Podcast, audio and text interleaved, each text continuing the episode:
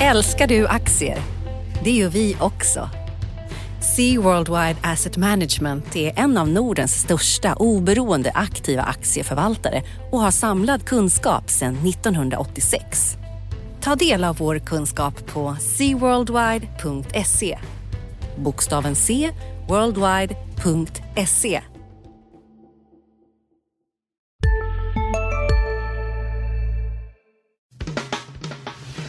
Analyspodden från Dagens Industri.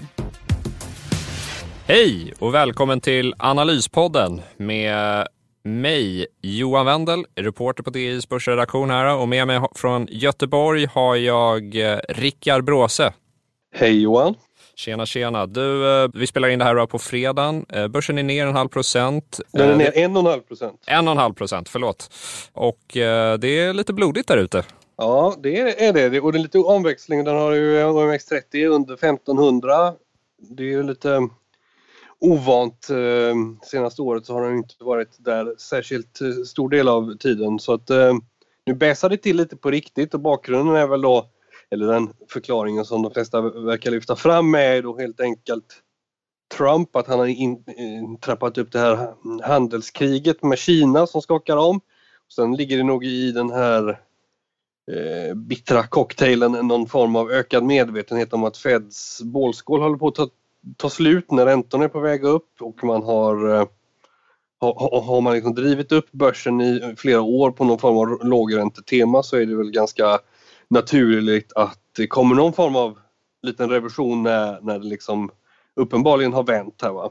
Sen så mm. tror jag att det, det, det, är lite spännande att se nu när, när du har fått, de har höjt i flera omgångar i, i USA, räntan alltså, och man har begravt eh, liksom, kvantitativa lättnader och så för vid ett annat läge i Sverige och Europa. I Sverige, man undrar lite om de ens, kommer vi att gå in i en liksom tänkbar nästa lågkonjunktur med minusräntor? Jag är ganska skeptisk, alltså jag tror att vi har sett det bästa av, av svensk konjunktur nu. Eh, att det kommer att synas väldigt tydligt när, när bopriserna tvärbromsar eh, nybyggande. Det kommer väga tungt på, på tillväxten och det, det där kan rulla igång åt, i fel riktning. Så att i det läget att sitta med kraftiga minusräntor, det känns ju lagom obegåvat. Så det, blir, det är spännande. Ja, man, eh, och Fed där flaggar ju för två till höjningar under 2018. Eh, men eh, det var ju lite, alltså var, man kan väl säga att det var väl lite hawkish, fast väntat hawkish om man säger så. Och eh, om man kikar på de här dotplotsen så är det inte så mycket som gör att det kan tippa, alltså det krävs inte så mycket för att det ska tippa över till tre höjningar om jag tolkar det där rätt. Eh, men också lite intressant är ju att kika på att man Eh, om ett par år där så ska man ha i USA 3,6 eh, procents arbetslöshet och en inflation som är strax över 2 procent. Det kanske man inte hade trott för några år sedan. Nej, Nej vi får se vad det tar vägen. Ska vi gå över till Sverige då och börsen här. Eh, eh på fredagen här eh, så är ju största händelsen the grey of the day så att säga MTGs uppdelning där. Eh, och eh, då MTG kommer ju då dela upp sig så att gammel MTG med Viasat och hela det här tjoset kommer att knoppas av i ett nytt bolag som heter Nordic Entertainment. Och sen så då det här MTGX-verksamheten med e-sport och så vidare kommer att vara kvar. Vad, vad säger du om det här Rickard? Jag säger så här att det här är väl ett steg som många applåderar. Det är nog rätt steg att ta för bolaget. Men man tar det inte för att man vill utan man tar det för att man helt enkelt måste. Kinnevik har visat att de, eh, som är, Kinnevik då, som är största ägare i det här bolaget, att de prioriterar affären mellan att få ihop Tele2 med Comhem framför den här MTGs nordiska tv-del som var på väg att skeppas iväg till TDC Danmark men TDC Danmark fick ett bud på sig som var villkorat att de inte skulle genomföra den affären så att det, är ett litet, det har varit ett litet triangeldrama det här.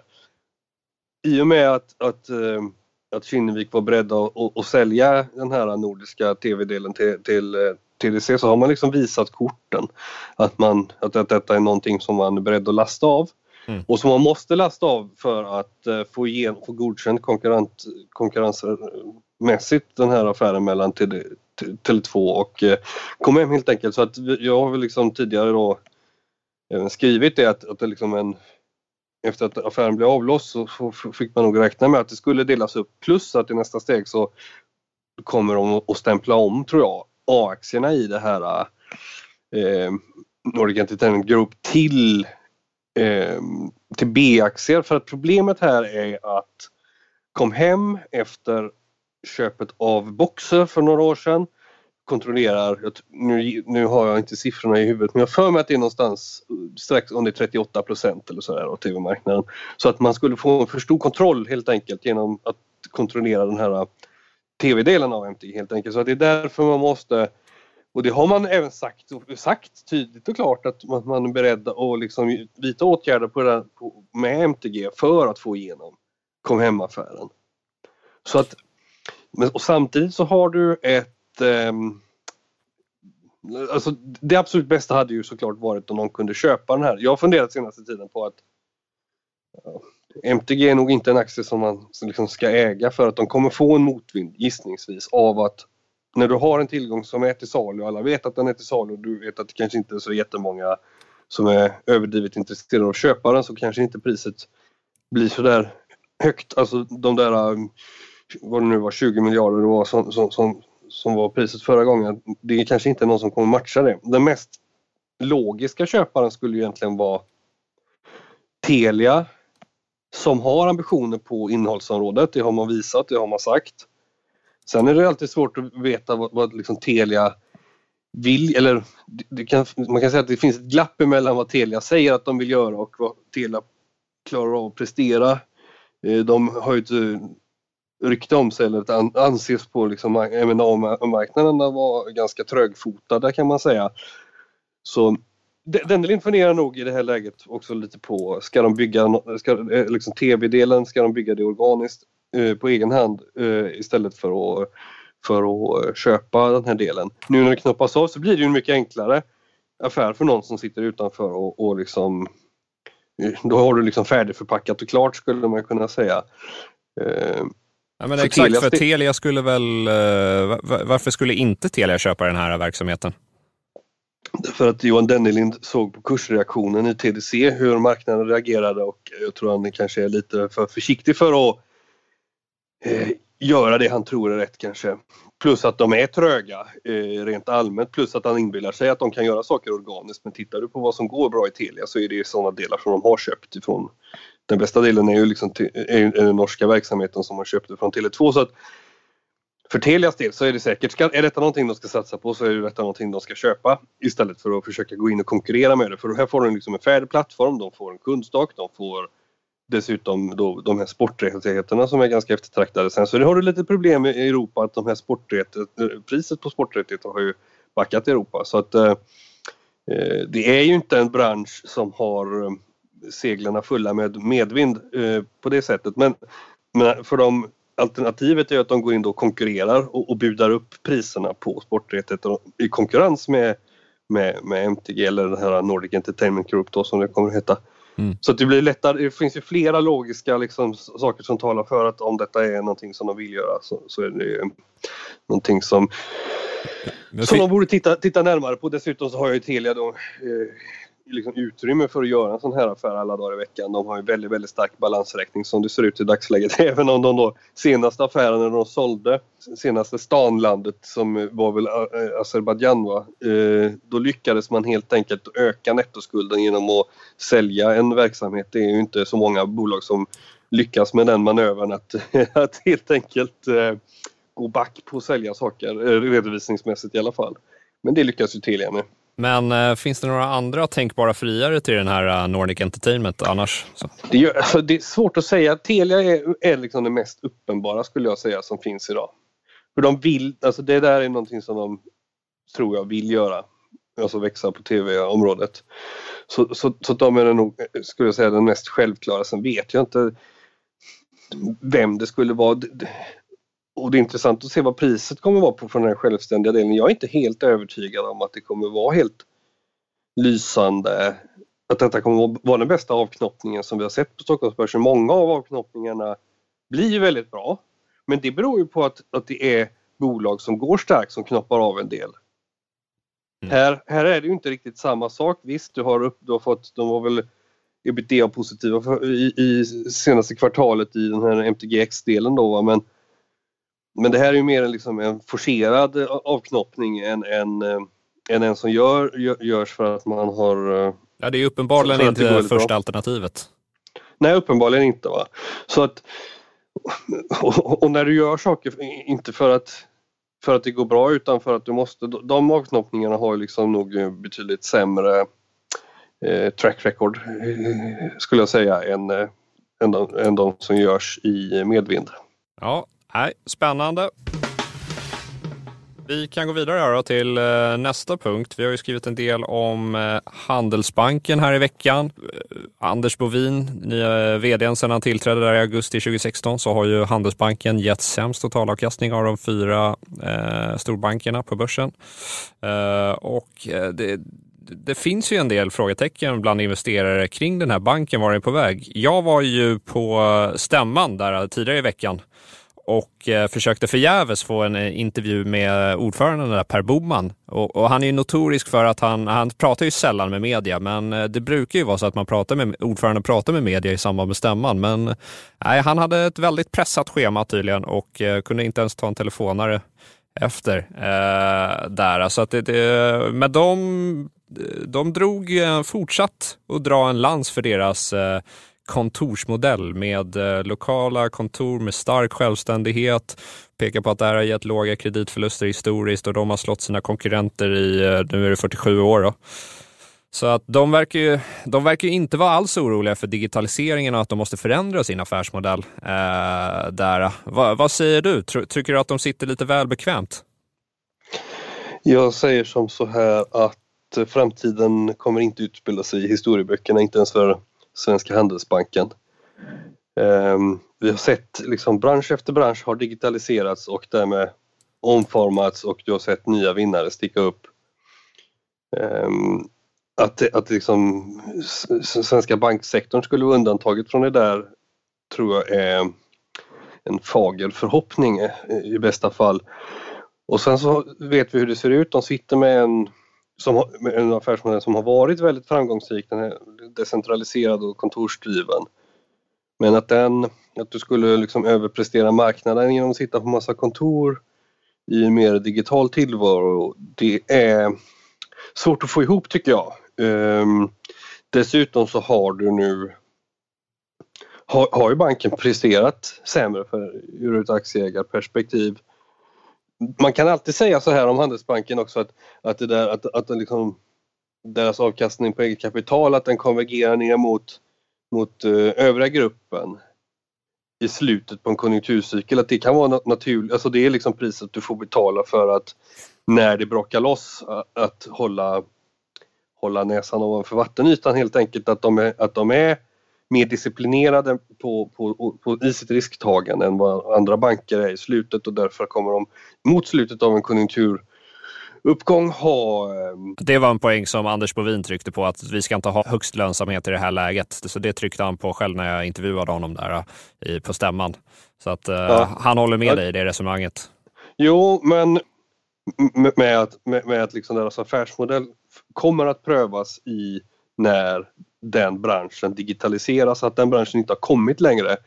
Det beror väl kanske på att det är lite av en sån här reglerad oligopolistisk bransch som inte är liksom fullfjädrat eh, marknadsmässig och helt konkurrensutsatt kanske. Men det där kommer ju ändå, alltså en sak, en stor fördel med digitalisering är ju att, att, att um, marknaden helt enkelt blir mer transparent nu kommer det nu har vi sett att, att det kommer en...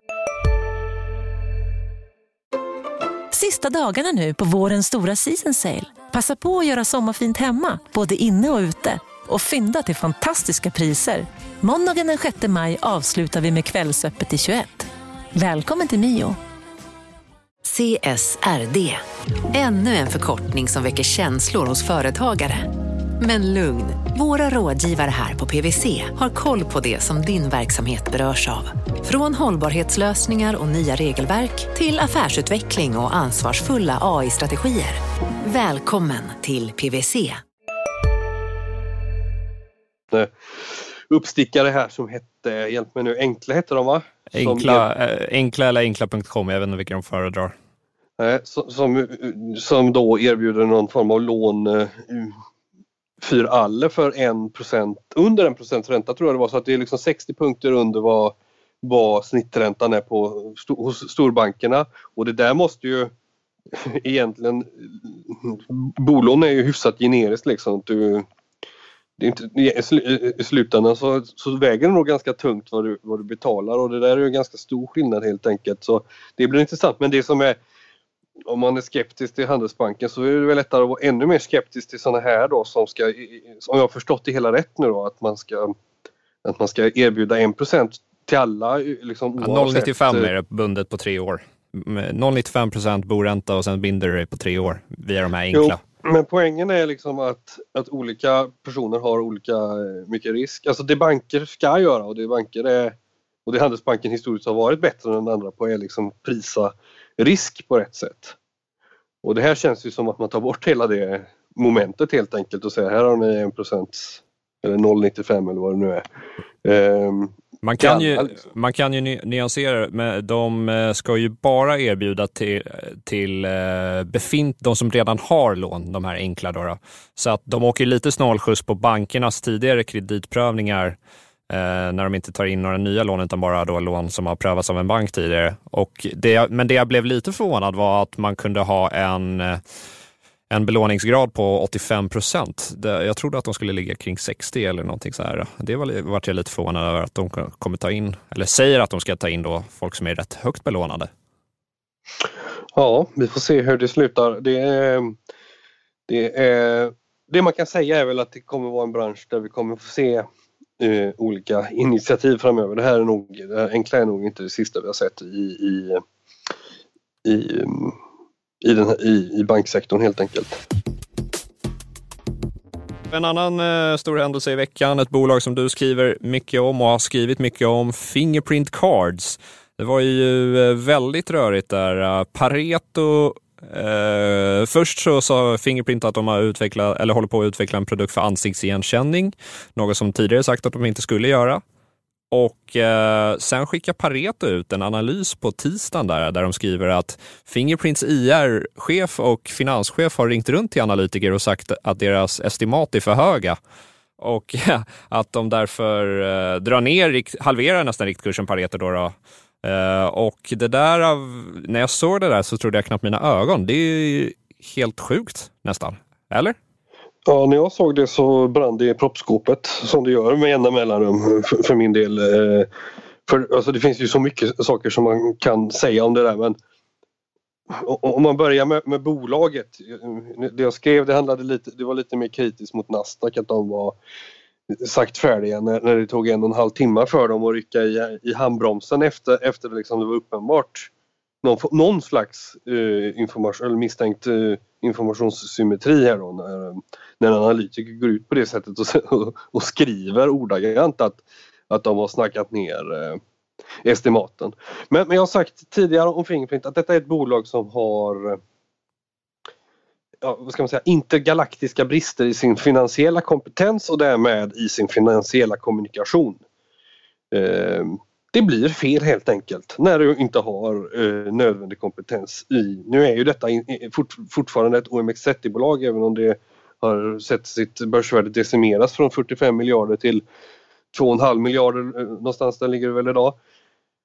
Men, men liksom, de har stått och lovat, det är mindre än två år sedan de stod och lovade att de skulle ha rörelsemarginaler över 35 procent och växa 60 procent per år. Det var ju liksom saker som var Ja. Varför ens ge de prognoserna från början? Det undrar man ju nu. Ja, men det har, de har väl kommit till någon insikt också med att, de, att, att, liksom, um, att det finansiella kanske inte är deras starka sida så de har ju jag blev faktiskt lite förvånad när man såg det för att intrycket är intrycket är, är helt enkelt att de eh, inte säger någonting. De säger liksom för lite om, om fram, alltså de, de säger, de, när de vinstvarnade sist så kunde de inte ens svara på vad nettoskulden var. Så att eh, de, de säger att, att de då helt plötsligt skulle ha gått ut och, och bara sagt att jo, jo du, eh, du får ta och sänka dina estimat för de ligger alldeles för högt. Det, det låter faktiskt väldigt konstigt för att de har, de har, de har dragit ner väldigt mycket på i hur mycket ledtrådar de ger. Om du lyssnar på har man lyssnat på liksom några, ett antal hundra conference calls så, så, så, kan man ju sätta deras i, i perspektiv och det är väldigt lite ledtrådar som de ger eller möjligheten att läsa mellan raderna utifrån vad de säger den är ganska begränsad skulle jag säga. Så, att, så att det låter lite konstigt på ett sätt att de har varit ute och gjort det. På ett annat sätt så låter det ju precis som att det är en sån sak som Fingerprint skulle gå, gå ut och göra och klanta upp, klanta upp så pass att analytikern ordagrant skriver att de har varit ute och och, och guidat på ett sånt sätt, liksom smygvinstvarnat helt enkelt. Men det där är ju samtidigt någonting som, som förekommer. Det, det finns fler bolag som, som eh, vad ska man säga, eh, masserar. Ja, masserar eller leder analytikerna rätt va? För, att, för att när rapporten kommer så att de ska ligga hyfsat rätt på det så att det inte ska bli alldeles för stora kursrörelser. Man kan konstatera att ett annat bolag som var på tapeten för ett tag sedan med det här med exakt samma som ifrågasattes om de hade gett för mycket information var H&M. Men de säger ju bara att när vi är, det bolagen säger i de lägena är ju att nej, vi har bara upprepat den information vi tidigare har gett. Upprepat och förtydligat. Ja men vad bra. Titta i H&M varje gång inför rapporterna så har du liksom ganska stora rörelser i estimaten. Um, vad det, alltså, det kan ju vara en tillfällighet att det alltid är så men eh, det kan också vara så att de, att de är ute och hjälper, analyt, håller analytikerna lite i handen. Men man hade ju velat vara en fluga på väggen när eh, Fingerprint ringde upp den här Pareto-analytikern. Alltså man kan ju formulera sig på olika sätt i ett, sånt, i ett sånt samtal. Att säga så här, du ligger för högt i dina estimat, det är ju det är idiotiskt. Man får väl formulera sig på något sätt så här, tjena, tjena Janne, jag såg dina estimat där. Om man jämför med konsensus så ligger du rätt högt. Har du tänkt på följande faktorer? Eller någonting sånt? Kanske? Jo, men det är ju det. De, de har ju förmodligen inte riktigt sagt att du ligger för högt utan de har ju formulerat sig på något sätt i alla fall. Ja. Får man ju då utgå ifrån. Alltså det, det allt kokar ner till är att Fingerprint Cards är liksom i fritt fall. Eh, de kommer att redovisa en eh, rörelseförlust i första kvartalet som är väldigt väldigt stor för att du har liksom alltså, det kommer vara förlust även på eh, även rensat för de här engångsposter som de har liksom flaggat för. Man får ju anta att de fortsätter kanske att ta lite, att det kommer lite inkurans och annat som dyker upp så att jag, jag tror att eh, rörelseförlusten kommer vara innan omstruktureringskostnader och, och inkurans att den kanske blir en 80 miljoner. Och sen så ska du ha på det omstruktureringskostnader och sen så är det lite fire in the hole i balansräkningen med eh, de har ett ganska stort lager som ligger och förmodligen inte har blivit eh, populärare bland kunderna och inte har som har blivit uh, så att det bäst före-datumet har passerat helt enkelt. Så att för, du kan ta och sätta på dig hjälmen när deras rapport kommer men det är ett tag tills dess. Och marknaden, kikar man på Fingerprints kursrörelse sen den här då analysen kom ut så har ju, det går ju väl att säga att marknaden har tolkat det här som en eh, lite vinstvarning helt enkelt. Men eh, ska vi gå vidare? Kappahl kom en rapport idag på fredagen. Eh, aktien är ner, när vi gick in här så var aktien ner eh, 3-4 procent någonting. Och eh, den var kanske lite bättre än väntat, men det är fortfarande en väldigt, väldigt svag, svag eh, lönsamhet där och eh, den hade ju slaktats ordentligt inför den här eh, rapporten, alltså i spåren av eh, MQ och diverse retail eh, din retail-död så att säga. Eh, men eh, den stora händelsen nästa vecka är väl H&M's rapport. Och Rickard, du har ju skrivit tidigare att det är bäddat för H&M's största vinstras någonsin. Vad har du för förväntningar på rapporten? ja, förväntningen är att det blir det största vinstraset någonsin. Eh, rörelseresultatet kommer falla med upp till 60 procent någonstans tror jag är, är, är rimligt att, att utgå ifrån. Eh, det kanske blir ännu brunare, vi får se men ja, det, det, är lite, det är lite märkligt det där. Hur kommer det sig att det alltid går så dåligt för de bolagen som jag skriver om? Eller är det, eller är det så att jag alltid att jag söker mig till saker som luktar lite mystisk kanske. Du har en finkänslig näsa som är äh, liksom känt sill hela, hela livet. Ja, en vinstvarningskonnässörsnäsa. Eh, men vi får se vad det tar vägen. Jag, jag sa ju väldigt, väldigt, väldigt länge att, det, att liksom, H&M var en aktie som skulle gå mot 150 kronor. Eh, sen gjorde den ju till slut det. Och då började jag prata om 120 kronor och nu är det ju liksom snart nere på 120 kronor men och jag har verkligen, verkligen försökt att liksom vara positiv, försöka hitta någonting som man, liksom, som, som man kan tänka sig att marknaden kan hänga upp eh, haka upp sig på eller hänga upp sig på för att få, för, som ska kunna vända på det här eh, nattsvarta sentimentet. Men det är fruktansvärt svårt att se vad det ska vara. Alltså ju mer man tittar på H&M och ju mer man liksom eh, försöker lyssna in vad som kommer ifrån, eh, ifrån den branschen så är det ju väldigt, väldigt eh, negativt allting. Och H&M, intrycket är egentligen att H&M idag är vad ska man säga, det är en organisation som står på vägen och paralyserat tittar in i helljusen som strålar ut från den här eh, marknadsomvälvningen då. Jag tror man får börja vänja sig vid tanken att aktien kanske ska under 100 kronor till och med. Ja, det, det jag tänkte fråga, hur mycket har eh, marknaden prisat in inför den här rapporten? Ja, jag trodde ju när, när försäljningssiffran kom så skrev jag ju i förgrej där att jag trodde att det skulle räcka med oförändrad försäljning i lokala valutor för att, för att, liksom, att det skulle vara liksom godkänt för aktien. Men, och nu blev det ju så, det var noll och sen var det då 1,7% minus i SEK räknat. Och aktien var ju ner, jag kommer inte ihåg hur mycket men det var liksom en riktigt kraftig kursreaktion så att man får säga att och det tycker jag inte bara gäller H&M utan mer rent generellt att för närvarande känns det som att marknaden inte väljer att lyfta på motorhuven när det kommer rapporter utan man går på liksom eh, man, man tar enklast möjliga väg. Är det, är, det, är det lite sämre än förväntat, ja men då säljer man på aktien även om i det här fallet kanske det borde vara eh, liksom uppenbart att analytikerna kanske var lite för högt. När jag pratade med personer då innan innan den försäljningssiffran så jag tyckte alla var överens om att, att det var för hög konsensus. Och att mm. liksom, runt nollan eh, var en ganska rimlig liksom, utgångspunkt med tanke på hur otroligt trögt det hade gått på marknader som Sverige och Tyskland då, som ungefär är 20% av H&M's försäljning. Och nu vet vi att de har ett jättelager som kommer, där de redan har sagt att bruttomarginalen kommer pressas väsentligt från det.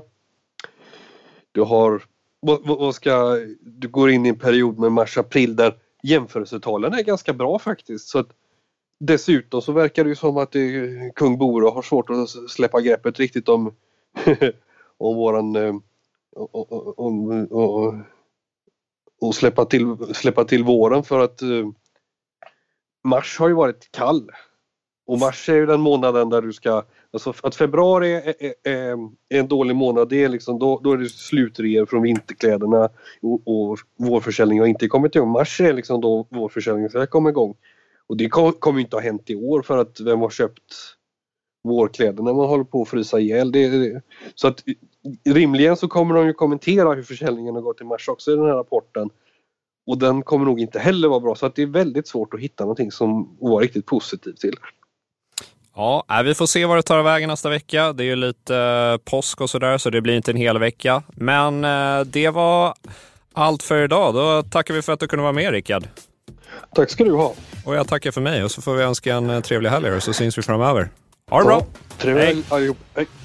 Analyspodden från Dagens Industri. Podden redigerades av Umami Produktion. Ansvarig utgivare Lotta Edling.